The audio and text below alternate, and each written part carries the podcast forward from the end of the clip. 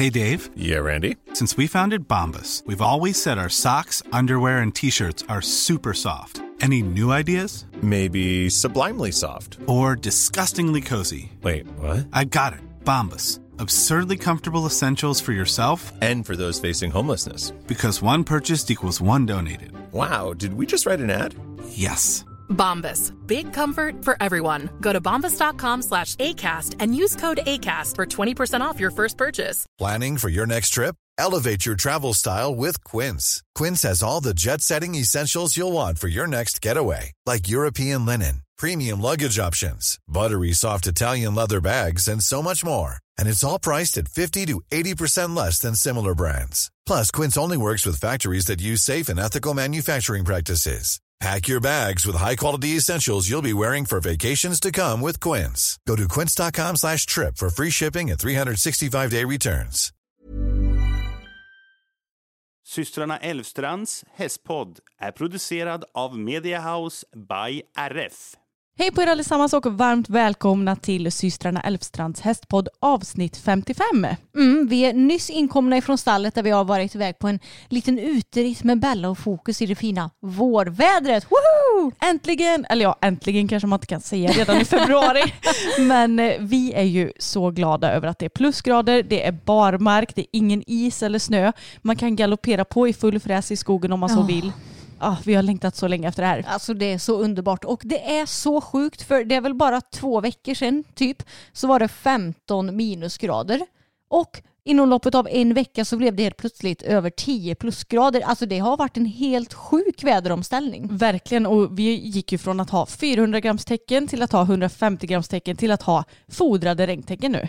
Och det är inom loppet av typ så här fyra dagar eller någonting. Ja, ja, verkligen. Helt sjukt, men eh, ja, jag, man, vi klagar ju inte på när det blir varmt väder i alla fall. Nej, det gör vi verkligen inte. Och jag känner bara att jag, redan känner jag mig så sjukt mycket mer motiverad bara för att det har blivit vårigt väder ute. Ja, vi har ju pratat om det tidigare, men vi är ju verkligen väderbundna du och jag. Ja, och jag tror det blir ju ännu mer så när man inte har något ridhus att rida i. Precis, och det är väl eh, det är dels därför vi vill ha ett ridhus på gården. Men eh, vi får se om den drömmen kan bli uppfylld någon gång. Och vet du vad jag skulle vilja ha mer Emma? Vad? En galoppbana. Ja, och gud det hade varit så nice. Ja, jag vet inte vart den skulle kunna befinna sig ens på vår lilla gård för den är inte Nej. jättestor.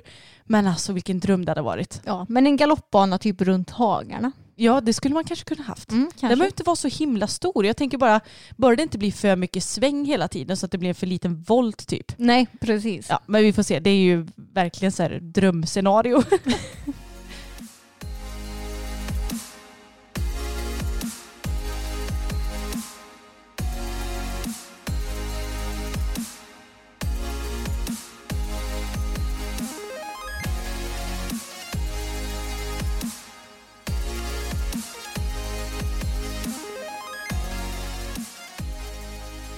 Ja, men Anna, sen sist vi spelade in den här podden så har ju du gått och blivit lite viral kan man säga. Ditt gråtande har blivit viralt.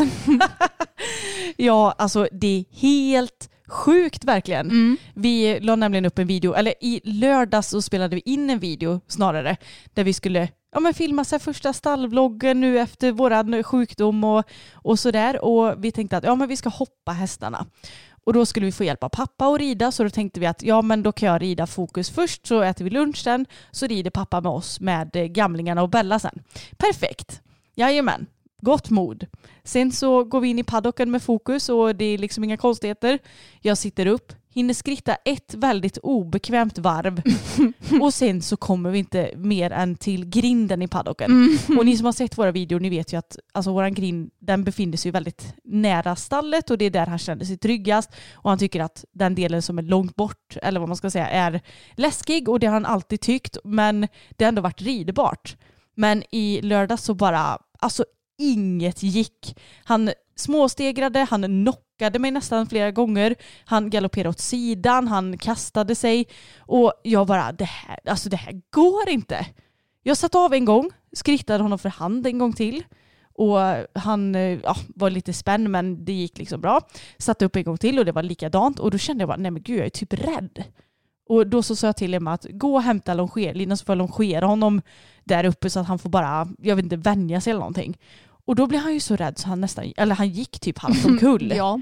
Och galopperade på framknäna i tre galoppsprång. ja, det såg inte jättesmidigt ut alltså. Nej, verkligen inte. Och då sa jag till Emma bara, alltså vad gör han eller vad händer? Typ.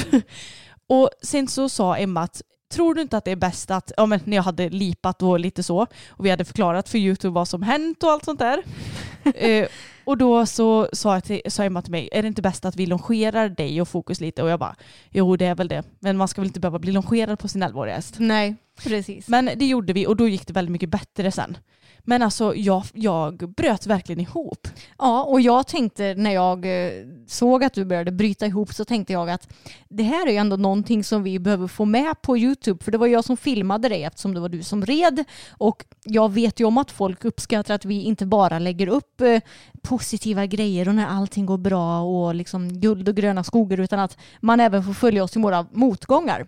Så då sa jag till Anna att det här är nog bra om vi filmar för att folk ska få se hur det verkligen är.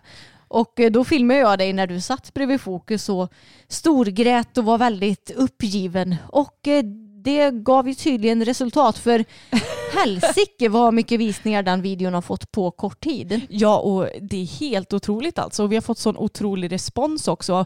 Och jag var faktiskt jättenervös för att lägga upp den här filmen. För att jag menar, det är ändå väldigt naket och sårbart att lägga upp när man är så besviken och gråter och allt vad det nu är. Men det mottogs på ett så himla himla bra sätt. Och innerst inne så borde jag väl ändå förstått att det var den responsen vi skulle få. För vi har ju verkligen fantastiska följare men man vet ändå aldrig. Vi har ju inte lagt upp någon liknande video tidigare. Nej, men det var ju alltså till 99,9 procent bara supersnälla och peppande kommentarer. Och eh, jag tänkte ta och eh, berätta lite så här Emmas YouTube-statistik för vad som är liksom en bra video och så vidare så att ni får hänga med lite på hur bra videon den här faktiskt har gått. Och eh, jag brukar säga att om en video får över 12 000 visningar första dygnet så är det bra. Om den får över 15 000 visningar första dygnet så är det väldigt bra. Och om den får över 18 000 visningar första dygnet så är det superbra, alltså sjukt bra. Mm. Och eh, den här filmen fick ju då 22 000 visningar första dygnet. Ja. Så ni förstår ju, det är 5 000 mer än vad vi räknar som superbra. Och den har hamnat på YouTubes trendinglista för första gången någonsin för vår kanal. Ja, alltså vår kanal är ju väldigt nischad och den är ju inte så stor om man jämför med många, många andra svenska youtubers. Men att vi hamnade på, på trendinglistan, det trodde jag aldrig skulle hända. Nej, nu när vi spelar in är vi på plats 32 på trendinglistan och det finns 50 platser på den tror jag i Sverige. Och det är sjukt att vår YouTube-video är den 32 mest virala videon i Sverige av alla liksom, nya filmer som finns på YouTube i hela världen. Ja, det är helt sjukt. och så jag- det känns kul ändå. Ja, jag tror att när det kommer till hästvideos så är det nog bara Johanna Berg som har haft ett par sketcher som har varit inspelade i hästmiljö som har varit med på trendinglistan. Ja, ja men det, det har jag sett också. Mm, men ingen övrig eh, hästvideo vad jag vet i alla fall. Nej, ingen vlogg eller något väl? Nej, exakt. Så det här var ju en ren vlogg. Så det, det känns väldigt kul. Jag trodde nästan aldrig att vi, eller jag, jag trodde att vi kommer nog aldrig komma med på den här trendinglistan. jag, har, jag har ändå mm, insett det och accepterat det eftersom vi som sagt är så pass nischade. Men det krävdes alltså en väldigt bra rubrik och en väldigt, väldigt talande thumbnail. Ja, och det var ju inga krydderier heller utan det var Nej, nej. verkligen det som hände. Nej men alltså vi har fått så många kommentarer med folk som känner igen sig och folk som peppar oss och ja men många skrev ju det att Anna du är väldigt stark som som gör detta och många hade nog gett upp och gör inte det. Och, och sen så tyckte jag det var så fint också att de skrev att du var så bra på att trösta Emma. Ja. jag tyckte det var gulligt. ja, och jag tyckte inte att jag gjorde speciellt mycket egentligen i själva videon, men jag vet ju också lite hur du funkar. Jo, alltså jag är en sån där person som om du typ är på mig för mycket så blir jag nästan alltså, lite aggig eller vad ska man säga? Ja, precis. Så att det, det var, du sa helt rätt grejer Mm. och ja, nej, det, det blev bara bra till slut. Och något som jag insett också är att vi måste ensamhetsträna den här hästen väldigt mycket mer Ja. än vad vi gör. Och det är ju kanske det som var det största problemet. att ja, men Nu har jag ridit ganska mycket ihop med dig och det blir ju lätt så när vi har flera hästar och har samma intresse och allt sånt där som vi, ja men man rider samtidigt helt enkelt. Men eh, nu ska jag ta tag i det här. Mm. Och eh, det kommer bli bra. Det tror jag med. Det hade varit lättare om vi hade haft tre hästar för då Ja. hade man ju kunnat rida två ihop och sen att du hade kunnat träna fokus själv. Liksom. Men precis. nu har vi ju fyra så det blir ju lätt att man rider liksom två och två i par eftersom vi ändå jobbar tillsammans och rider tillsammans och hänger tillsammans hela dagarna. Ja, herregud att vi inte blir trötta på varandra va? Eller hur? Ja men som sagt så är vi väldigt glada att våren verkar vara på G. Och eh, vi har ju faktiskt märkt det på ett annat sätt Anna. För nu när vi har skaffat webbshop tänkte jag säga, det har vi ju haft det i två år nu. Så märker du ju verkligen när de nya årstiderna är på G när det kommer till vad kunderna köper. Verkligen, för oss är ju kanske inte vårtecken så här, åh vi såg lite tussilago i diket, utan det är så här, nej men Emma, nu har någon beställt eksemtecken eller Japp. flugtecken. Mm. Då vet man att folk, jag, jag vet inte, folk tänker nog att nu ska jag vara ute i god tid, bunkra upp med sommartecken här så att vi har det klart inför sommaren och det, det är redan i februari i år alltså. Ja, ja, och det är inte bara en som har beställt utan det är ändå flera stycken som har beställt. Mm. Och det är faktiskt egentligen smart för jag tror många gånger när du ska köpa något säsongstäcke så blir det att du kanske gör det lite för sent att oj nu blev det jättekallt nu måste jag beställa ett eh, tjockt täcke eller oj nu blev det jättevarmt nu måste jag beställa ett flugtäcke. Mm. Det är ju egentligen bättre att du gör det i god tid så att du faktiskt har grejerna när det väl behövs. Och jag menar ifall du beställer redan nu då vet jag om också att ja, men jag kommer ju inte glömma bort det här heller. Precis, och då, då hinner man också, om nu täcket inte skulle passa i storlek, då hinner man byta utan att det ens Mm. har kommit några flugor. Så att det är ju väldigt smart. Men eh, det är verkligen ett vårtecken måste jag säga.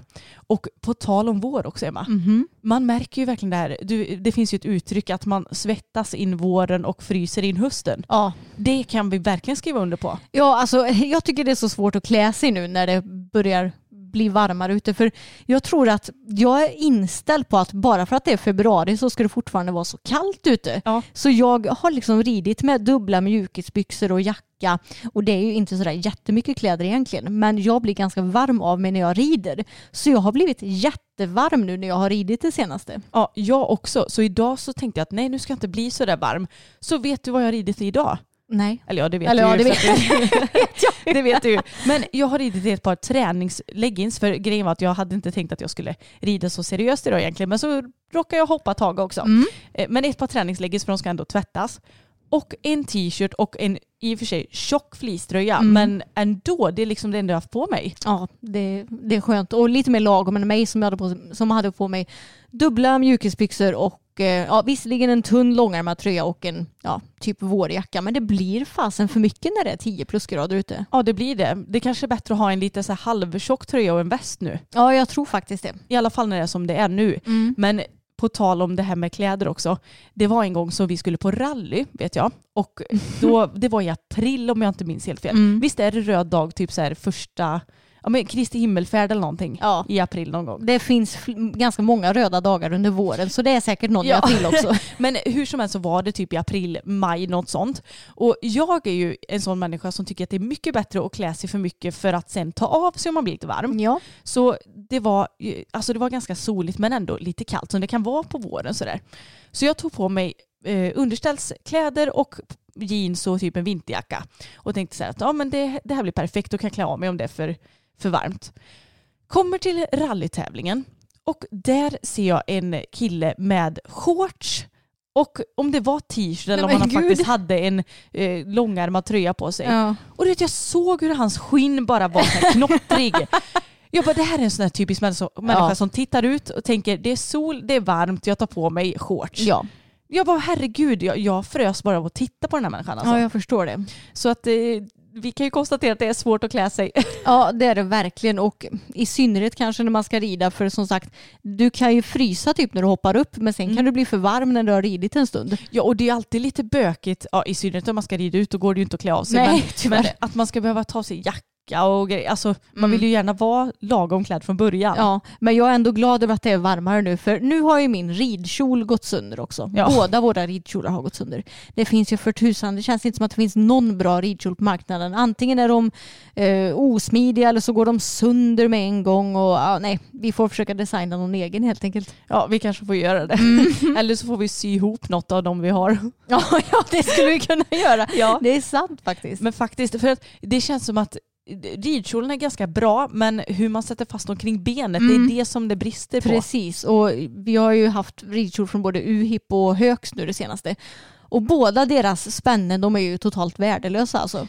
Ja, jag trodde ändå att Högs var bättre men Det eh, var de inte. nej tyvärr inte. De gick sönder väldigt enkelt kan man Ja, säga. tyvärr. Idag när vi spelar in detta så är det fredag och vi ska ha lite fredagsmys ikväll. Och något som är kul Emma, det är att vårt favoritprogram börjar. Bäst i test! Men det har också släppts lite nya restriktioner angående tävlingar. För att eh, det är ju nämligen så att Folkhälsomyndigheten har gått ut med, när var det? I onsdags? Mm, I onsdags. Mm, att eh, det ska skärpa till sig lite för att ja, men det sprids mycket nu i Sverige och de vill väl skärpa till lite så att det ska Ja. minskas. Och folk har ju varit iväg till fjällen nu hela sportloven och så blir de förvånade att oj nu har corona spridits. Man bara ja men vad fan trodde ni? Ja. Håll er hemma era puckon. Ja, och Folkhälsomyndigheten bara, ja men kan du resa till fjällen på ett säkert sätt och bor ensam med din Ja. familj i stugan och håller avstånd, då är det ingen fara Ja men att tror resa. de det? Alltså jag, jag blir så trött på att Sverige ska vara så jävla mjäkiga Ja. hela tiden. För fan, Sätt regler. sätt krav och låt inte folk bestämma själva för de kan, alltså människor kan inte ta ordentliga beslut uppenbarligen. Nej, för människan är en otroligt egoistisk ras, det kan vi ju helt klart. eh, Ja, Eller rasart menar jag. art. jag. Jag har ingen koll på de olika grejerna. Nej men så är det. Men skitsamma. Nu har de i alla fall sagt att eh, eh, Folkhälsomyndigheten har sagt att ja, men ingen förutom elitutövare ska få utöva sina sporter när det kommer till Tävling. tävling och sånt. Och då tänkte jag, ja, men det ska bli intressant att se vad som händer med eh, ridsporten nu då. Mm. Och nu har Svenska Ridsportförbundet gått ut med att eh, barn från och med, ja igår blir det nu för er, första Mm. mars, inte kommer få tävla. Men de yrkesverksamma och ja, elitutövarna då Mm. kommer få fortsätta. Alltså jag tycker att det här är så konstigt. För fine, det är ju bra att barnen inte får tävla eftersom det är ju ändå det som Folkhälsomyndigheten har sagt. Men Folkhälsomyndigheten har också sagt att bara folk som utövar elitidrott ska få göra det. Mm. Och jag menar, vad var det Ridsportförbundet har sagt? Att 10% av alla som har eh, licens normalt sett är yrkesverksamma eller har kunnat bli yrkesverksamma. Ja. Man förstår nog att 10% av alla som är yrkesverksamma, de är inte yrkesverksamma egentligen. Vä- Vänta, vad menade du nu? Nej men jag menar att de tjänar liksom inte pengar på tävlandet. Utan Jaha, nej. Det, det gör du egentligen bara om du är klassad. För det är ju först då egentligen som du kan tjäna ordentliga pengar på att tävla. Precis, och jag kan bli så jävla trött på det här för att om det är någon grupp som det sprids mest bland så är det ju ändå vi som är lite äldre. Och visst att det sprids även bland barn så att det är väl bra att de inte heller får tävla nu då. Men seriöst, de, de borde absolut stoppa yrkesverksamma också. jag det har ju vi med. tyckt från början. Ja, ja. Vi har ju tyckt från början att det bara är de som är elitklassade som ska få tävla. Mm. Alla eller ingen ska få tävla. Precis, och det, det som jag tänkte säga det är att det är ju många yrkesverksamma som inte är elitklassade. Ja, Det ja. var lite det jag ville få fram med, Ja. med det som jag sa. Exakt, och det, det är det ju verkligen. Och som sagt, vi, man, man hör ju från höger och vänster att den är yrkesverksam och den är yrkesverksam. Och jag bara, men vad fan, den här jobbar ju inte ens med hästar. Nej, exakt. Så man har ju verkligen kunnat eh, smita under den här kontrollen Mm. känns det som. Jag tror det är många som har kunnat smita under bara för att de typ har haft någon eh, vad heter det, anställning i något stall till Mm. exempel eller på något stutteri eller vad det nu kan vara. Och det har ju inte Ridsportförbundet tid att kontrollera så för deras del hade det varit mycket lättare ifall det bara hade varit de elitverksamma som faktiskt får tävla. Mm, verkligen. Men vi läste ju också artikeln i Hipson om detta. Mm. Och det stod ju att de fortfarande funderar på hur de ska göra med de yrkesverksamma. Men just nu är det i alla fall så att de stoppar barn från att tävla från och Mm. med första mars. Och så får de väl se lite vart det landar i. Men det här är beslutet just nu i alla fall när vi spelar in. Och eh, ja, jag vet inte, jag, jag hoppas ju på att de stoppar även de yrkesverksamma. Inte för att så här, jag är missundsam att någon får tävla, det är inte det det handlar om. Mm. Men eh, jag tycker bara att ja, men rätt ska fan vara rätt Ja, också. ja, jag tycker det med. Det är inte logiskt att du, du ska tävla om du är yrkesverksam enbart Nej. utan att vara elitryttare. Och de verkar ju inte direkt ha någon eh, alltså begränsning på hur många som får tävla heller. För att om jag har sett att det till exempel är tävlingar i Kungsbacka i helgen och det är Mm. hur många starter som helst och hur många eh, alltså boxplatser som helst och Mm. ryttare och hej och hå. Så att det lär ju florera ganska mycket människor där. Ja. Och eh, oavsett om de säger att de ska hålla avstånd så vet jag inte om folk är så himla noga med det ärligt talat. Nej, det tror jag faktiskt inte.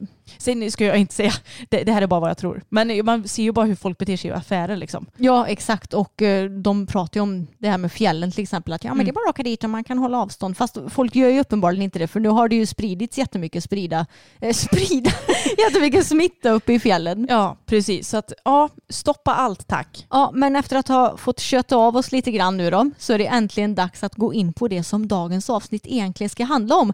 Och det är ju våra impopulära åsikter del två. Och som vi har längtat Anna. Vi gillar ju att störa oss lite. Ja men alltså, det, jag tycker att det är så kul för jag inbillar mig själv att jag är en person som tyvärr alltså, ganska lätt stör mig på personer och saker och företeelser och allt Mm. vad det nu kan vara. Men när jag skulle liksom försöka komma på grejer som jag har som är impopulära åsikter till det här avsnittet så är jag så här, men varför kan jag inte komma på någonting? Och jag vet, det, det är svårt när man väl ska komma på grejer. Ja. Men vi har ju också en liten tanke att i något annat kommande avsnitt att vi läser upp era impopulära åsikter och att vi reagerar på dem eller vad man ska Mm. säga. Så att vi säger så här, ja men det här håller vi inte med om och det här håller vi med om. Ja, och att man kan diskutera det lite. Mm. Det hade varit väldigt roligt. Mm. Så vi lägger upp en eh, bild i Instagramflödet så får ni diskutera om det hade varit en kul idé eller Mm. inte. Exakt. Och eh, i det här avsnittet kommer vi precis som i vårt förra avsnitt att blanda hästiga och icke-hästiga impopulära åsikter. Och Anna, ska du köra igång med den första? Ja men det kan jag göra. Jag, jag vill bara säga innan jag säger den första grejen här nu att det här är ju bara vad vi tycker och det är lite skoj och det är liksom inget blodigt allvar och tycker ni annorlunda så är det såklart helt okej. Vi, eh, vi säger inte att det här är rätt liksom. Nej, och vi hoppas att ingen tar det personligt. Ja, sagt. gud ja, det får ni inte göra. Nej. Och eh, om jag får börja med den första här så är väl det lite, alltså det här kan ju appliceras både i vanliga världen och hästvärlden. Men du och jag Emma, vi är ju inte någon som gillar sådär peppiga citat så himla mycket. Nej, det känns lite för klyschigt och för ansträngt för mig skulle jag säga. Jag tycker också det och man ser folk som ofta delar så här citat i sina stories och sånt. Alltså jag scrollar ju förbi snabbare än blixten typ för att jag Ja. blir så här, eh, jag, det blir inte inspirerande för mig. Nej, jag läser det inte ens för att Nej. jag, jag känner att det, det ger mig liksom ingenting. Nej och jag vet inte varför det är så, jag har alltid varit sån här. Ja, men eh, det är väl jättebra ifall eh, det funkar för andra, men för oss så gör det helt enkelt inte det. Japp, och då är det dags för en hästig impopulär åsikt som jag har. Jag vet inte, har du den också Anna? Ja. Du har den också. alltså det är ju för övrigt kul att vi tycker ju lika om så himla mycket. Ja men jag fattar inte. Nej. Det är ju som att eh, mamma och pappa råkade trycka på copy-paste när de skulle skapa mig. Liksom. jag fattar inte. Fast sen så är det klart att vi är olika på många grejer också. Ja. Men skitsamma, kör. Ja, det är nämligen så att nu kommer kanske, om det är några dressyrtanter som lyssnar på den här podden, sätta kaffet i halsen. För jag tycker att Tåtilas är slash var överskattad. Jag tycker verkligen det också. Och Mm. Jag kan inte riktigt sätta ordet på varför jag tycker det här. Men det känns som att han mest var bara väldigt, väldigt sprattlig. Och, Mm. och vi är ju väldigt så här att vi tycker att hästen ska gå i korrekt form och korrekt takt och så här. Mm. Och det känns som att han var väldigt rörlig och allt sånt där. Och visst, han var, han var en vacker häst. Ja, ja. Men det var bara sprättel i sprättel. Ja, alltså det som jag tycker det är väl egentligen att Tåtilas har bidragit med- till ganska så mycket negativa grejer med sporten. Just eftersom att han rörde ju sig väldigt extremt med extremt flängiga framben. Mm. Gick ju absolut inte i någon korrekt eh, eh, vad, vad ska man säga, takt i traven till exempel. Och ändå så slog ju han världsrekord på sin tid och var ju den absolut mest dominerande dressyrhästen. Och jag tyckte ju inte att alltså, han gick i någon speciellt harmonisk form heller. Om man kollar på honom så är liksom ganachen och nacken väldigt ihoptryckt precis som det visserligen brukar se ut på de flesta hästar kanske på den nivån. Men ja, ingen korrekt form, ingen korrekt takt och ändå så var han så himla stor och det är ju såklart inte hästens fel. Det beror ju, Nej. på, det beror ju på hur eh, han har blivit tränad liksom och allt sånt där. Precis, jag skulle precis säga det att det är ju faktiskt inte Tåtilas fel. Nej, det, det får ni inte tro att jag Nej, menar Nej, heller. men det, det lät lite så så det var kul. Ja. Men eh, nej, jag, jag håller med. Och det roliga är att när han var som störst så var inte vi egentligen så himla insatta i hur form och sånt skulle Nej. vara. Även om vi såklart, vi har aldrig ridit hästen i någon ihoptryckt form med Mm. mening så. Men eh, nej, så här i efterhand så känns det som att så här, det hade ju kunnat varit en annan häst som varit mycket mer populär tycker jag. Ja, ja, och sen efter Tåtila så blev ju Vallegro istället väldigt populär och han slog ju nytt världsrekord efter Totilas då. Mm. Och om man ska jämföra de hästarna eller de ekipagen eller vad man ska säga så tycker jag ju att det såg kanske mer korrekt och harmoniskt ut med Vallegro. Även om hans form är såklart långt ifrån perfekt också. Men om man tittar på eh, alltså mellanrummet mellan hans ganache och hals till exempel så är han mycket mindre ihopknökad där än vad Totilas var till exempel. Och han rör sig i en mycket bättre takt i traven. Han jobbar faktiskt på med sina bakben så att de är mer parallella med frambenen till exempel. Ja, de släpar inte sju mil bakom. Nej, de släpar inte sju mil bakom och han flänger inte speciellt mycket med framben utan Vallegro var ju lite mer pure ridbarhet eller vad man ska säga. Ja, precis. Mm. Ja, men det, det är väldigt intressant ändå att jämföra två stycken världsrekordshästar. Ja, jag var tvungen att titta på deras respektive världsrekordsritter häromdagen bara för att se ifall, ja men var det verkligen så som jag tänkte då? Och eh, ja, men jag får nog säga att jag håller med. Och grejen med Totilas på den filmen som jag såg då, han går egentligen inte speciellt mycket bakom lod egentligen, men han har ju inte nacken som högsta punkt och han går ju super ihop tryckt liksom. Mm. Och Vallegro går väl egentligen mer bakom lod, men han ser ändå friare och mer korrekt ut eller vad man ska säga. Spännande. Jag måste nog ta och kolla på de här ritterna också, för det har jag inte gjort. Nej, precis. Nej, men så det är väl egentligen det och jag hoppas att dressyrsporten i framtiden kan bli lite mer ja, men korrekt så som en, att hästarna ska gå i en sån korrekt form som det ska vara enligt skolboken och att de ska gå i en korrekt takt och att inte det här extrema premieras så mycket. Nu ska jag ta upp en icke-hästig här igen då. Mm. Och alltså ni får verkligen inte ta illa upp om det är så att ni har ett sånt här användarnamn. För jag har haft jättekonstiga användarnamn genom mina år också. Så Mm. att eh, det, det, jag säger inte att det här är rätt. Men någonting som jag har lite svårt för. Mm. Det är när folk heter eh, trebarnsmamman, eh, mamma till eh, Elsa, alltså så här, typ på Instagram och sånt här. Och varför då? Jo, det kanske är för att jag själv inte har några barn. Men jag, blir- jag kan bli lite så här... eh, Ah, gud, det känns som att jag bara kommer trampa folk på tårna. Men det, det här är vad jag tycker, okej? Det känns som att det är liksom det enda man ser sig som, det är att vara morsa. Ja. Och då ska man heta det. Alltså det är inte så att jag heter eh, tvåhäst eh, eh, ryttare. Ja, men nej, det hade varit superkonstigt även om jag såklart ser mig själv som en ryttare och att det är en väldigt stor del av mitt liv ändå, även fast jag inte jobbar med det på, på professionell nivå. Ja, jag vet inte, förstår du lite vad jag menar? Ja, men det som jag stör mig på med hela den här grejen det är att det är så himla det är en sån himla patriarkal struktur. För att det finns ju i princip inga papper som heter pappa till Liam, Nej, tvåbarnspappan och eh, man till Karin. Alltså sådana där grejer. Det, det, det är ju väldigt få män som har till exempel sådana eh, nicknames på sociala medier eller som skriver extremt mycket om sina barn och allt vad det nu kan vara på sociala men medier. gud, det stämmer verkligen. Jag har inte ens reflekterat över det, men det är klart som tusan att det är så. Men du vet din stora syster hon tänker Ja, steget längre. du vet gör du. det. Ja, nej, men så det är lite det som jag är anti att kvinnans eh, vad ska man säga, naturliga roll ska liksom slopas undan och sen så blir hon, ska hon bara identifiera sig som en mamma så fort hon får barn. Ja, och gud jag har inte ens tänkt på det men det är såklart en jättestor anledning till varför jag stämmer på det här också. Men Mm. det, jag har bara inte insett det förrän du sa det nu. Nej. Men det är klart att det, det blir ju så. Det känns som att så här, det är väldigt gammalmodigt att det hänger kvar även när vi har Alltså vi har ju ändå ett moderniserat samhälle nu Mm. men ändå ska de här gamla instiftade grejerna sitta kvar. Ja och det är ju också samma när folk gifter sig och ska byta efternamn så är det ju Mm. nästan alltid kvinnan som byter namn till mannens efternamn vilket också är jäkligt mossigt och patriarkalt. Verkligen. Det gjorde ju inte Samuel. Nej han bytte till Älvstrand. Mm. Det finaste efternamnet man kan ha. Det vet jag inte men, Nej. det är väldigt trevligt efternamn i alla fall. ja. Nej men jag vill som sagt säga att har ni något sånt här Instagram-namn eller whatever, ta inte illa upp. Det är bara att jag tycker att så här, mm, det, det ska väl lite i mig. Ja, jag, jag tycker det med. Jag skulle inte byta till något sånt namn själv. Nej, jag, jag heter Anna Elfstrand på Instagram och det kommer jag göra tills jag går i graven. Min identitet är Emma Elfstrand oavsett hur många barn jag får eller inte. ja, nu kommer jag med en impopulär åsikt som jag inte tror att någon kan bli kränkt av i alla fall. Och det är att jag tycker faktiskt att mörkbrunt och svart går att matcha i hästväg, alltså på utrustning. Ja det tycker jag också. Jag vet att vi har fått frågan om det här förut så att vi har väl lite tagit upp det här i podden innan. Mm.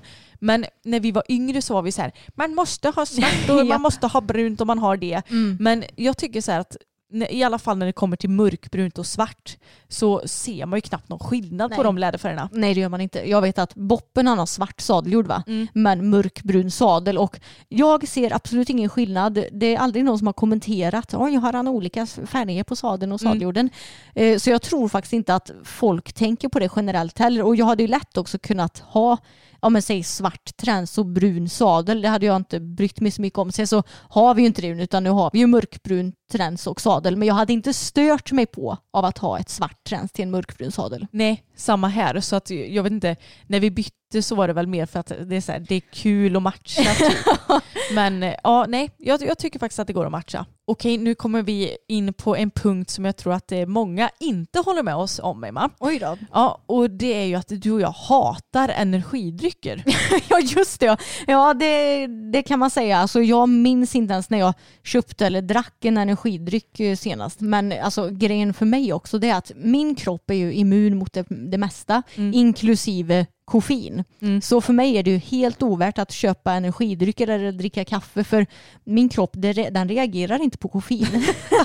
Nej, alltså det är verkligen ingenting för oss och jag förstår inte hypen med alla så här Nocco och Celsius och allt vad fan det nu heter Ja. ens. Jag bara, det kommer inte någon ny smak och nej, alltså blä. Jag tycker bara det är så vidrigt. Jag känner att för det första hur gott kan det vara? Det finns ju många andra drycker på marknaden, typ Pepsi Max, Mm. som du kan avnjuta och som inte är svindyra. Det är det med. Jag vet, alltså, jag, jag förstår inte hur folk kan lägga pengar på sån skit och när det finns som sagt så mycket billigare och godare drycker ute. Om jag håller med. Pepsi Och, sponsrar oss. tack. ja, ja, det hade varit eh, underlättande för oss. Nej, det hade kanske inte varit så bra. Men nej, vi har aldrig gillat energidrycker och jag glömmer aldrig också på vårt gym för massa Ja. år sedan så var, hade de någon sån här tävling typ. Man skulle hitta olika paket. Va? Ja, precis. Och du hittade ju ett paket i en Mm. av de här foam rollersarna. ja. Och då var ju det en energidryck. ja, det var någon Nocco eller något sånt där. Och fy fan vad vidrigt det var alltså. Det var, Jag vet att du tog en mun och sen hällde du ut det. Ja, det, alltså, det var så äckligt så som sagt jag kan inte förstå. Ett sånt där flak kostar ju flera hundra spänn. Liksom. Jag vet. Ja, det är helt sinnessjukt. Ja, skulle aldrig lägga de pengarna. Nej, Mm. vi är inga kaffe eller energidrycker tjejor. Nej, Ryan Reynolds here from Mint Mobile. With the price of just about everything going up during inflation, we thought we'd bring our prices down. So to help us, we brought in a reverse auctioneer, which is apparently a thing. Mint Mobile unlimited premium wireless. Ready to get 30, 30, bit to get 30, bit to get 20, 20, 20, bit to get 20, 20, bit to get 15, 15, 15, 15 just 15 bucks a month. So, Give it a try at mintmobile.com slash switch. $45 upfront for three months plus taxes and fees. Promo rate for new customers for limited time. Unlimited more than 40 gigabytes per month. Slows. Full terms at mintmobile.com. A lot can happen in the next three years. Like a chatbot may be your new best friend. But what won't change? Needing health insurance. United Healthcare Tri Term Medical Plans are available for these changing times. Underwritten by Golden Rule Insurance Company, they offer budget friendly, flexible coverage for people who are in between jobs or missed open enrollment. The plans last nearly three years in some states, with access to a nationwide network of doctors and hospitals. So, for whatever tomorrow brings, United Healthcare Tri Term Medical Plans may be for you. Learn more at uh1.com. Och när det kommer till ridsportmärken så tycker väl jag att vissa märken kanske är lite mer överskattade än andra. Och ett sånt märke det är PS of Sweden. Ja, alltså de, de har ju en del fina grejer, det får jag Mm. säga. Men jag tycker att det mesta är väldigt, väldigt hypat. Mm. Och jag vet att nu, de, de hade typ en julkalender, alltså jag är inne och kollar emellanåt bara för att Mm. ja, men man vill ha lite koll på läget typ på deras Instagram. Och då var det bara limited edition och jag vet att de fick lite kritik för att ja, men, varför lägger ni bara ut limited edition där allt går ut på att man ska hetsköpa någonting och det är inte bra för miljön. Och, alltså, de fick Mm. ändå lite kritik för det hela. Och sen så vet jag också att deras hästbilder ser ju inte alltid så där jättetrevliga ut om jag ska vara helt ärlig. Nej, hästarna ser inte jättenöjda ut och utrustningen ser ut att sitta väldigt hårt spänt. Mm. Så att jag tycker mm, det, det är lite överskattat. Det känns som att varenda kotte har, vi har ju också PSO Sweden schabrak. Ja, Så- men de är ju också överskattade för de glider ju bara bak hela tiden. Ja det jag. gör de. Så att eh, de ska vi nog göra oss av med tror jag. Mm. Men eh, alltså det är fina grejer men det känns som att det är mycket, mycket samma också. Jättemycket samma. Varje gång de har någon ny kollektion som släpps så är det Oj, nu kommer det ett nytt grönt schabrak och ett nytt rosa schabrak och ett nytt blått schabrak. Ja, så de, de har verkligen så här 50 shades of pink, green, blue. Köpte inte du något schabrak från dem som skulle vara en viss sorts grön och sen när du fick hem det så var det typ en helt annan färg än på bilderna? Jo, och alltså jag vet ju hur svårt det är att fota och få det liksom true color. Men det var helt olika i tonen för att när jag köpte det så trodde jag att det skulle vara lite mer ah, hur ska man säga, lite mer olivgrönt kanske. Mm. Och så fick jag hem det och det var väldigt gult i tonen. Mm. Så det såg nästan inte ens grönt ut utan snarare någon så här guldgrön färg. Ja. Så nej, det är tyvärr lite överskattat i vår mening. Och sen så har ju de egentligen blivit lite kända på grund av deras inom stationstecken anatomiska trends. Och jag tycker också det är konstigt att ett trends får kallas för anatomiskt bara för att det har liksom är bakåt skuret vid öronen. För jag menar det är ju mycket annat på deras trend som jag absolut inte skulle säga är anatomiskt. Typ deras nosgrimmer till exempel. Ja, och många nosgrimmer, eller de har ett par stycken nosgrimmer som är eh, dubbla dessutom. Ja precis och det, det rimmar ju inte rätt. Nej, jag tycker inte det heller. Sen så har jag ingen aning om vad som ska Alltså vad som är kriterierna för ett anatomiskt trends heller. Jag Men, tror inte det finns några kriterier Nej. utan man får säkert eh, säga vad fasen man vill. Alltså. vi, vi skaffar ett trends som är så framskuret för öronen så det Mm. pekar på öronen och bara jätteanatomiskt. Jätteanatomiskt ja. Mm, och vi har ju dessutom provat något PS-trends för ganska länge sedan och vi var ju inte imponerade över det heller. Och jag tror också att många som köper den här typen av trends eh, alltså går in med en inställning på att det ska bli skillnad för att åh nu ska jag rida med ett anatomiskt trend så det kommer gå så mycket bättre. Och då gör ju placeboeffekten att det kanske går bättre men att själva trendet i sig egentligen inte har någon påverkan. Nej, så kan det ju verkligen vara många Mm. gånger. Men jag menar, placeboeffekten är ju också en trevlig effekt. Så att, Det var kanske därför som inte det gick så bra för oss för att vi var ganska så kritiskt inställda när vi testade det. ja, eller var vi kritiska Nej, eller var okej, vi bara neutrala neutrala? var ja. Okej, nu kommer jag med en åsikt som kanske egentligen inte är så impopulär. Men du och jag hatar ju verkligen att prata i telefon. Åh fy fan alltså. Jag, det, det är bland det värsta jag vet. Och därför så kommer jag nog aldrig bli någon sån människa som kommer sitta och prata i telefon i flera timmar med typ mina kompisar som jag vet att många andra gör. Nej, jag vet och under den här pandemin så kan man ju tänka sig att ja, men man kanske borde ringa sina kompisar lite oftare. Mm. Men det blir inte så för jaha, alltså nej, jag tycker verkligen inte att det är ett trevligt sätt. Nej, jag tycker alltid att det blir så mycket mer stelt i telefon när du inte kan se den andra personen och läsa av dens kroppsspråk och ansiktsuttryck. Och det blir alltid så här, man börjar prata i munnen på varandra för man vet inte riktigt när den andra slutar och när man själv ska börja prata. Exakt, för när man sitter och ändå har varandra så här som du och jag sitter nu, Mm. då ser jag lite på dig när din mun rör sig och allt sånt där också. Ja. Så att nej, jag tycker verkligen inte att det är trevligt. Och alltså alla möjliga samtal som är verkligen viktiga, de skjuter jag ju på till sista sekund. Ja. Och ja, jag, jag, de enda jag liksom känner mig okej med att prata i telefon, det är ju typ min familj. Ja, samma här.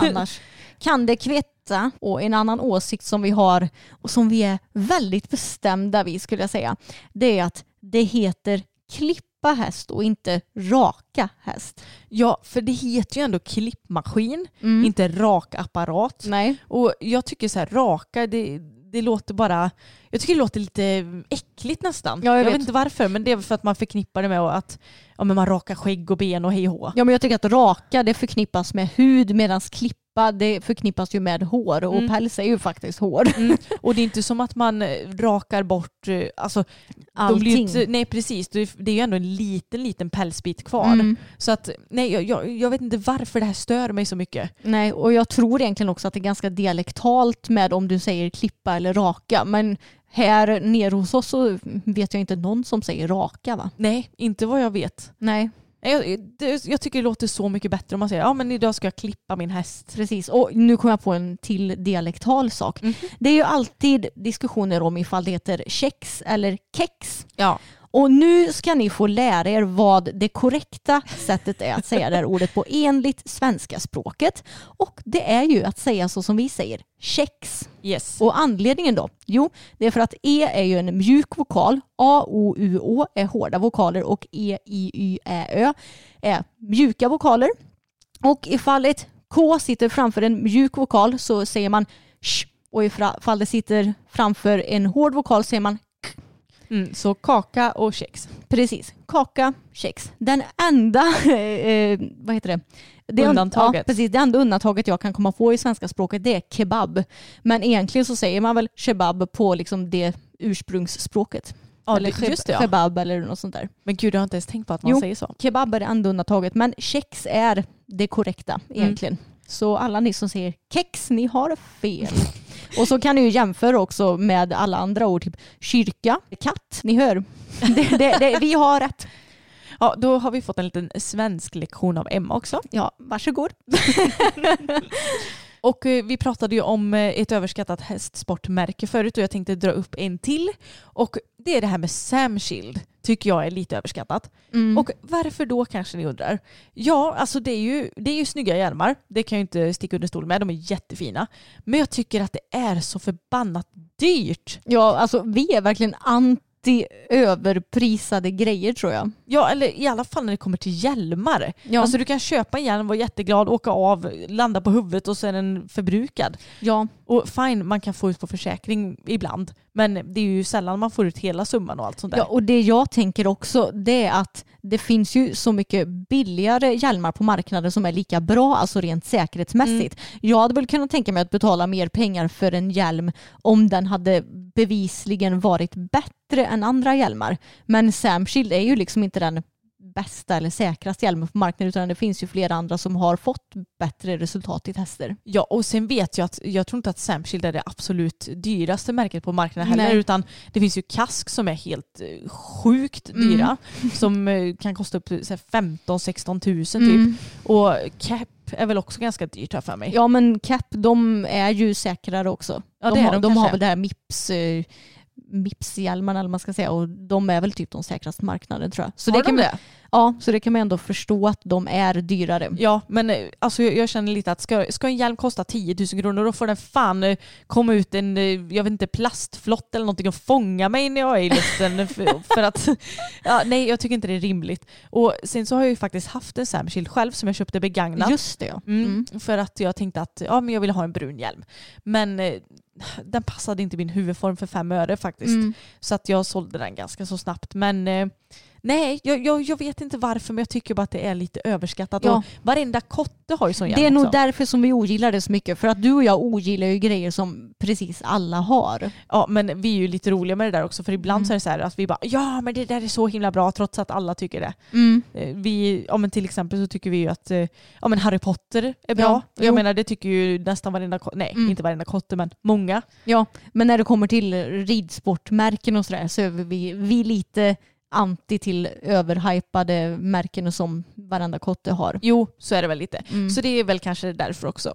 Ja, det blir ju, det blir ju inget speciellt egentligen att ha en Samshield-hjälm för att det är ju väldigt, väldigt många som har det. Ja, men jag tycker att det finns nästan inget som är speciellt längre i ridsportvärlden. Nej, för att det, det finns så sant. otroligt många märken som ändå gör lite liknande grejer. Och Det är klart att man inspireras av varandra så det är väl inte så konstigt. Men det finns nästan inget unikt idag. Nej, och så har det ju varit länge egentligen nu om Ja. man tänker efter. Det är, ju, det är ju säkert de senaste tio åren det Ja. har varit så. Exakt. Och det är ju dessutom också alltid nya märken känns det som, som trendar eller vad man ska säga. Ja, verkligen. Det, det, det håller jag verkligen med om. För att Alltså för tio år sedan, man hade ju ingen aning om vad, eller Samshield och Kepp och de här kanske inte ens Mm. fanns då, men då var det ju bara de här gamla godingarna, typ John Whittaker och Ja. Charles Owen och Ja, om man ska gå på vanliga, vad ska man säga, hästklädesmärken så var det ju jättemycket typ Kingsland och Animo och sådär för Mm. typ tio år sedan.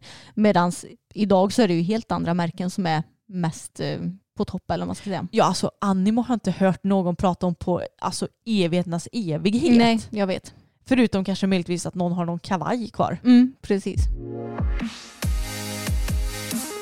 Anna, jag skulle säga att du och jag, vi är väl ändå ganska så ambiverta människor va? Mm. Och eh, en ambivert människa det är ju en blandning av extrovert och introvert. Och sen kan det ju vara mer på skalan åt introvert och extrovert. Men om eh, vi ska dra lite skillnad, introverta människor får ju lite mer energi av sig själva. Medan extroverta människor får energi av andra. Så kan man ju sammanfatta det som ganska tydligt. Ja. Och jag som är ambivert åt det lite mer introverta hållet. Jag har jättesvårt för att umgås med extroverta människor. Och framförallt extroverta och väldigt, väldigt pratiga människor. Jag tycker att det brukar gå hand i hand. För det är Ja. sällan som man umgås med någon människa som är väldigt introvert som också är väldigt pratig eller man ska säga. Ja, eller hur? Jag har också lite svårt för det, även om jag tror att jag har lättare för det än vad du har. Ja, du är lite mindre introvert än vad jag är. Mm, jag är ju det. Jag, jag är nog lite mer åt det extroverta hållet. Mm. Men eh, jag kan ha lite svårt för människor som inte kan höra vad den andra säger. För att många Mm. människor kan ju vara så här att de bara babblar, babblar och pratar över den andra och Precis. lyssnar inte ens på vad Nej, man säger. Det är lite det som jag tycker är grejen med de här, jag säger extroverta människor för att ni ska fatta vad jag menar. Ja. Men de här extroverta, babbliga människorna, för de tar så himla mycket plats själva. De är inte intresserade av att bjuda in någon annan till sitt samtal, utan det blir väldigt mycket envägskommunikation och eh, extroverta människor, det som de inte tänker på det är att de tar ju energi av introverta människor. Mm. Och de gör ju mycket det för att de har en för kraftig energi eller vad man ska säga. Men jag tycker det är så konstigt för att eh, det känns som att de här människorna borde ju på något vis vara lite osäkra också. För att det känns som att är du så pratig och vill höras så känns det som att du måste ha något behov av att liksom... Ja men uppmärksamhetsbehov ja. ja, för det är lite det jag tänker, då, då måste det ju finnas någon osäkerhet i det hela eller? Ja men det tror jag också säkert att det gör. Och eftersom jag är lite mer åt det introverta hållet.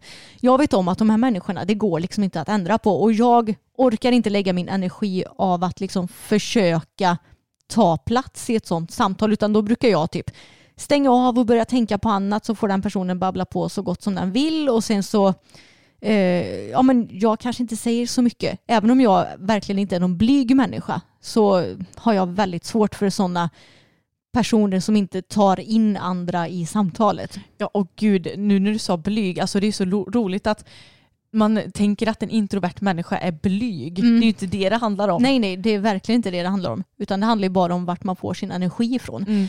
Och problemet också för oss introverta människor det är ju att extroverta människor de får ju energi av oss. Så egentligen borde det ju vara så att extroverta människor borde vilja liksom umgås med introverta människor för att det blir bra för dem. De bara win, win fast inte för dig. Ja men naturens lagar är ju att energi kan aldrig nyskapas utan det ombildas ju bara. Mm. Och extroverta människor de får ju som sagt sin energi från andra medan vi som är mer introverta får energi av oss själva eller att vara ensamma liksom. Men det är också när man är lite som dig och mig, att man, ja, men att man är lite både och eller vad man ska säga. Så man inser ju väldigt snabbt vilka vänner som faktiskt är de som man gillar att umgås med Mm. också. För det känner jag bara så här nu i vuxen ålder när man Ja men jag vet inte, man har ändå sorterat in sina vänner lite. Japp. Eller, va, Sorterat bort. Ja men precis, sorterat bort de som man inte vill umgås med. Mm. Och vi får ju verkligen så härlig energi av de vännerna som, som Mm. vi har kvar. Ja men och jag måste säga att våra vänner som vi umgås med främst de är ju väldigt lika oss. De är också ganska så ambiverta och de är bra på att både lyssna och prata. Mm.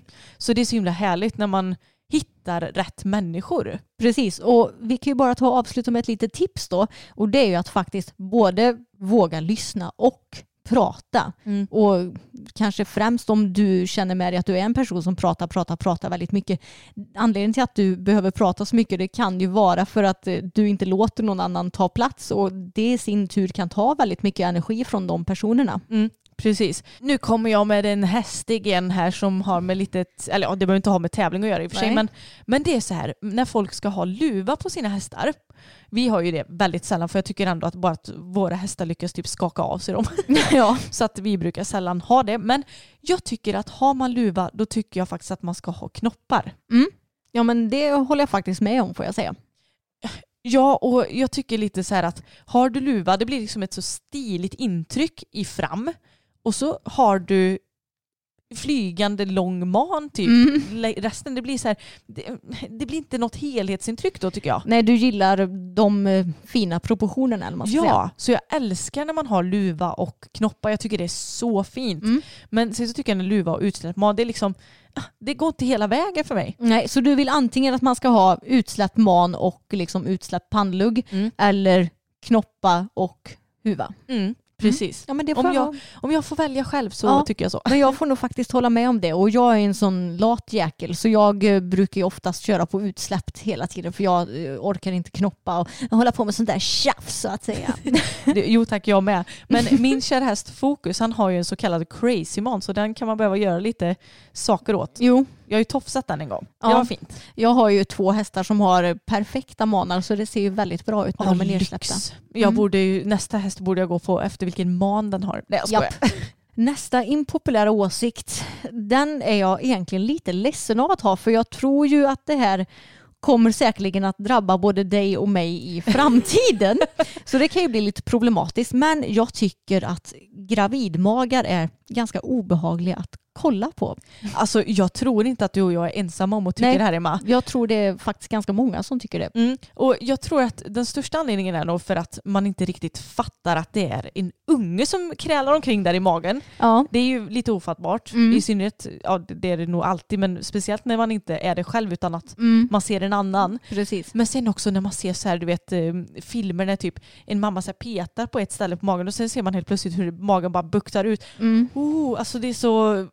Det känns så omänskligt på något vis. Ja, och det som jag tycker är nästan allra värst, det är när naveln börjar poppa ut också. Ja. Alltså, åh gud, jag ryser typ bara jag tänker på det. och grejen är att jag kan tycka att gravidmagar kan vara fina om du har kläder på dig. Alltså om Mm. du har typ en tight klänning och så att man ser hur magen formas. Det tycker jag är fint. Men jag har jätte, jättesvårt för att se på Huden. Ba- ja, huden och bara gravidmagar. Det känns som att så fort en kvinna blir gravid så ska hon hålla på och ta massa så här nakenbilder och lättklädda bilder och lägga ut på typ Instagram också bara för att visa upp magen. Och så kommer tuttarna med lite här också. Kolla på mina stora tuttar och på min mage. Och jag, alltså jag ser inte det fina med det hela. Nej men det är egentligen ganska konstigt för att man ser ju ganska ofta bilder, ja men jämförelsebilder så från vecka 15 och så upp Mm. till när ungen typ kläcks. Att det ska vara så här, inte ens huvudet är med på kvinnan ofta, Mm. utan det är så bara själva överkroppen typ. För att jämföra och alltså jag förstår väl att det är kul naturligtvis Mm. att ha det dokumenterat men det är väldigt märkligt att man vill fläka ut det så. Ja. Jag, jag kommer inte göra det i alla fall. Absolut inte jag heller. Nej. Alltså, uh, och liksom, det, det som jag också tycker med gravidmagar är att det ser ju så förbannat obekvämt ut. Vilket det ju säkert är också Ja, för det är ju verkligen. tungt som tusan kan jag tänka mig. Och när man kommer upp i vecka så här 35 och plus och när magen blir så här tung och lång och Nej, jag, jag vet inte. Jag, det, det typ ryser i mig bara jag tänker på det här. Och som sagt, både du och jag kan ju eventuellt vara med om det här i framtiden. Mm. Så jag får väl hoppas att vi inte kommer tycka att våra egna kroppar blir liksom äckliga eller vad man ska säga när, om vi blir gravida. Jag, jag tror att du har lite svårare för det här än vad jag har. Ja, jag har väldigt svårt för det faktiskt. Nej, men man hör ju ofta kvinnor som säger att antingen så tycker de att de är så vackra som gravida och får världens glow Mm. eller så tycker de att de är skitfula också.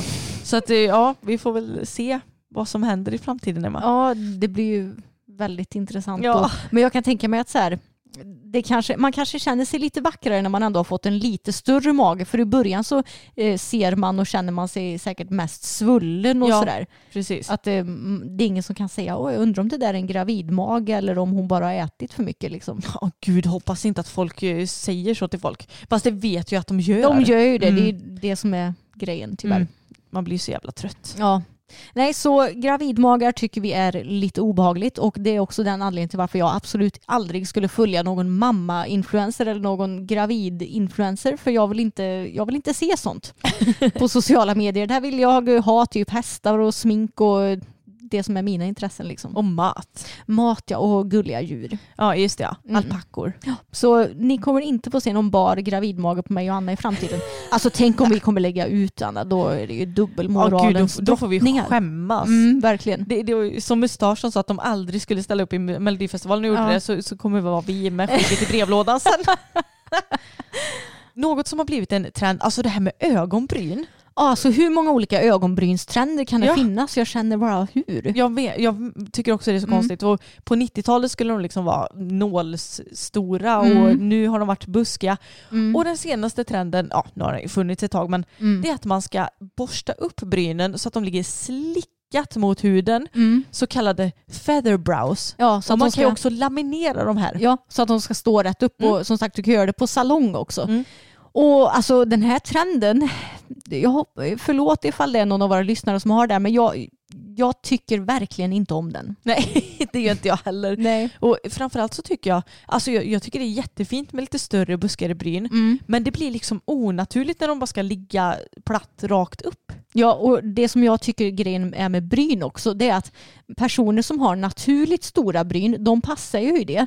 Och medan jag som har väldigt eh, små naturliga bryn, jag ser ju för jävligt ut om jag försöker måla mina bryn liksom buskiga och stora. Ja, det funkar ju inte Nej, riktigt. så jag är, väldigt anti bryntrender överlag. Jag tycker att du ska ha ungefär dina naturliga bryn. Sen om du knappt har några bryn som jag så får du ju såklart kanske måla till lite. Jo. Men jag har väldigt svårt för sådana här specifika trender och speciellt när man ska motgå liksom alla naturens lagar. Det finns ju inte något bryn i världen som liksom står rätt upp i liksom, ja, som ett, en lod. Liksom. Nej. Jättemärkligt och att folk betalar för att göra det på salonger och köper. Jag vet att Anastasia har ju släppt någon ny brynprodukt nu som heter Brow Freeze där, som liksom ska frysa fast liksom stråna. Mm.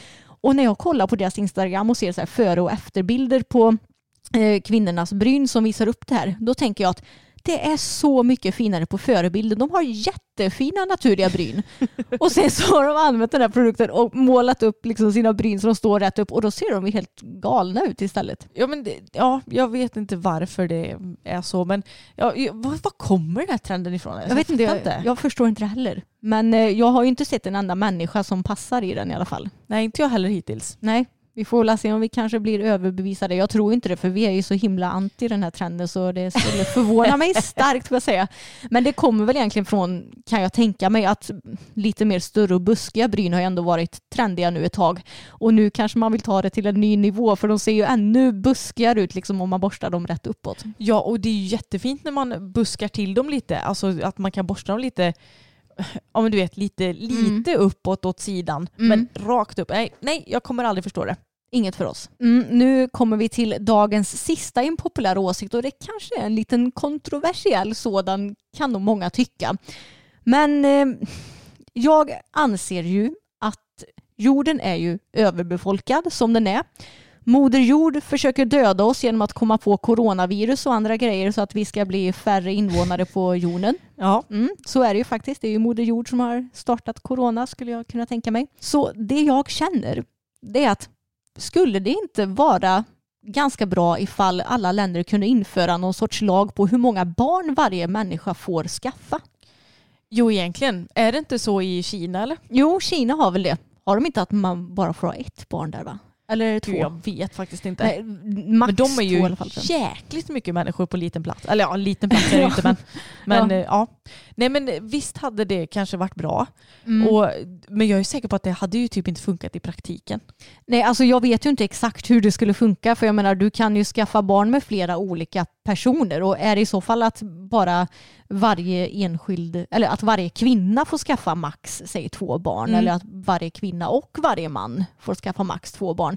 Alltså jag vet inte exakt hur det skulle se ut i praktiken men jag tror ändå det hade varit bra att ha någon sorts lag på det här för att vi ska alltså, få en hållbar jord som inte ska gå under om typ hundra år. Liksom. Ja och det, en sån här grej hade kanske funkat här i, som i Sverige. Mm. Men jag menar i u-länder där de inte har samma förutsättningar. Preventivmedel. Nej, Mm. preventivmedel och, och förutsättningar. Där funkar det ju inte. Nej, precis. Men för oss eh, i-länder Mm. så hade det ju funkat.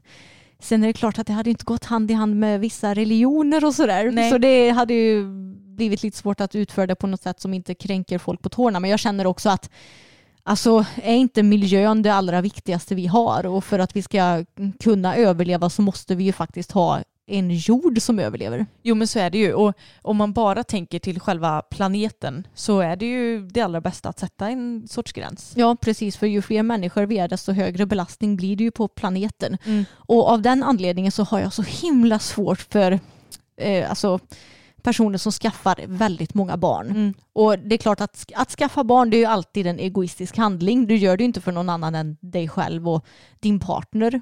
Liksom, det, så är det ju. Det finns ju. Du gör det inte för jordens bästa. Liksom. Nej. Men att skaffa typ så här 7, 8, 9, 10 barn, så här, familjen eh, annorlunda familjer. Alltså jag, jag blir typ irriterad bara jag tänker på det. För att det är så extremt eh, egoistiskt. Det här med familjegrejer Emma och gravid och barn och sånt, det, det är något som retar Ja, alltså. men alltså jag har starka åsikter när det kommer till de här ämnena. Jag säger absolut max två barn för min del. Ja, du, det har jag verkligen sagt också. Mm. Mer pallar jag inte och Nej. vill inte ha heller för den delen. Precis, och lite jag tänker också med familjer som har så här svinmånga barn.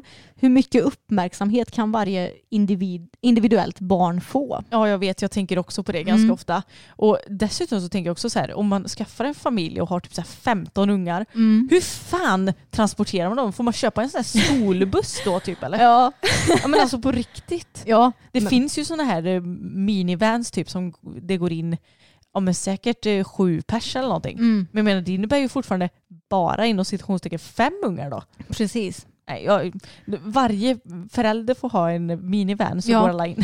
Nej, men det, det- som sagt, det som jag tycker är störande med de här familjerna, annorlunda familjerna, det är att de, in, de innebär ju en sån extrem påverkan på miljön jämfört med en familj som kanske väljer att inte skaffa barn alls eller som kanske väljer att ha max två barn till Mm. exempel. Så ja, jag vet inte, jag tycker nog att man borde tänka en extra gång innan man sätter allt för många barn till världen. Slash diktator Emma. ja gud. Folk bara, vi vill inte rösta på Emma för hon får inte bestämma hur många barn vi ska skaffa. Nej. Precis. Nej, men så jag tycker någon regel. Om, om jag får sätta en siffra på hur många barn som vore rimligt att ha som max skulle jag nog säga tre. Mm. Och då, Då får man ju ändå plats i in en vanlig bil. Tänker bara på det. ja, men jag känner också varför ska man ha fler än tre barn? Då får ju barnen två syskon. Är inte det tillräckligt eller? Jo, det kan man ju tycka. B- hade du känt att du behövt något mer syskon än mig Anna? Nej, du är mer än nog. Nej, jag skojar.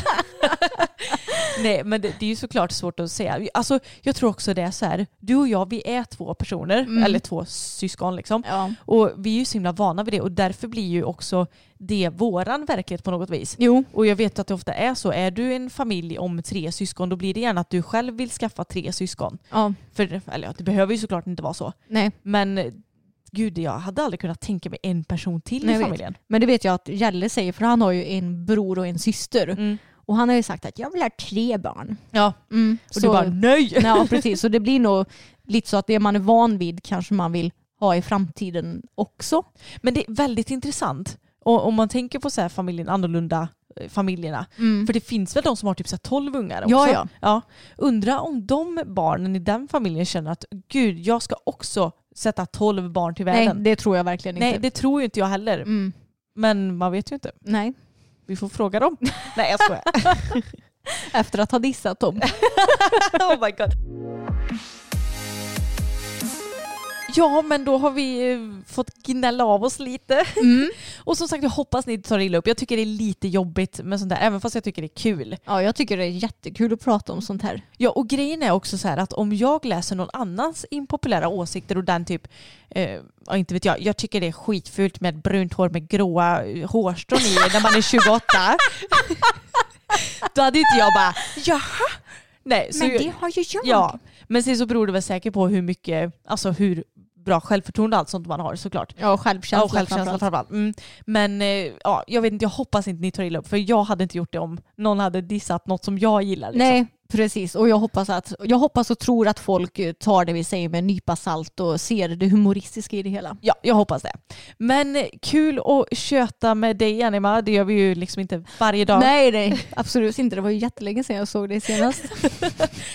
Men jag hoppas att ni tyckte det var ett bra avsnitt. Och som sagt, ni får gärna gå in på vår Instagram och kommentera om det hade varit kul om vi diskuterade era impopulära åsikter. Mm. Jag hade tyckt att det varit jättekul i alla fall att få Jag lära med. känna er och era åsikter lite mer. Ja, det hade varit skitkul. Mhm. Och verkligen högt och lågt, både häst och icke-hästiga Ja. grejer. Precis. Mm, det hade varit kul. Mm. Men ni får ha det så jättebra allihopa så hörs vi igen nästa vecka. Ja men det gör vi. Hej då!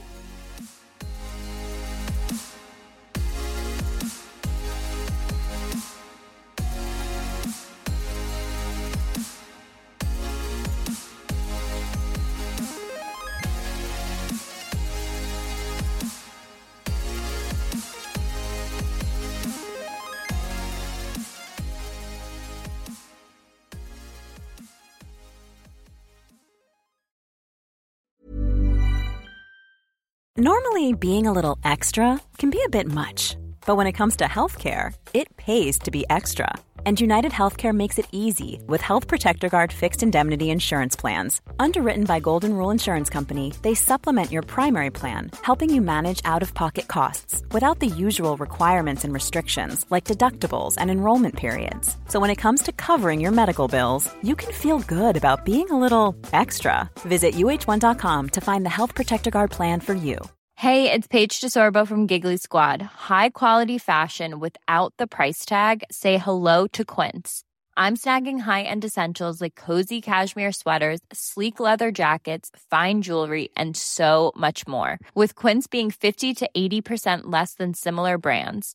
And they partner with factories that prioritize safe, ethical, and responsible manufacturing. I love that. Luxury quality within reach. Go to quince.com slash style to get free shipping and 365 day returns on your next order. Quince.com slash style.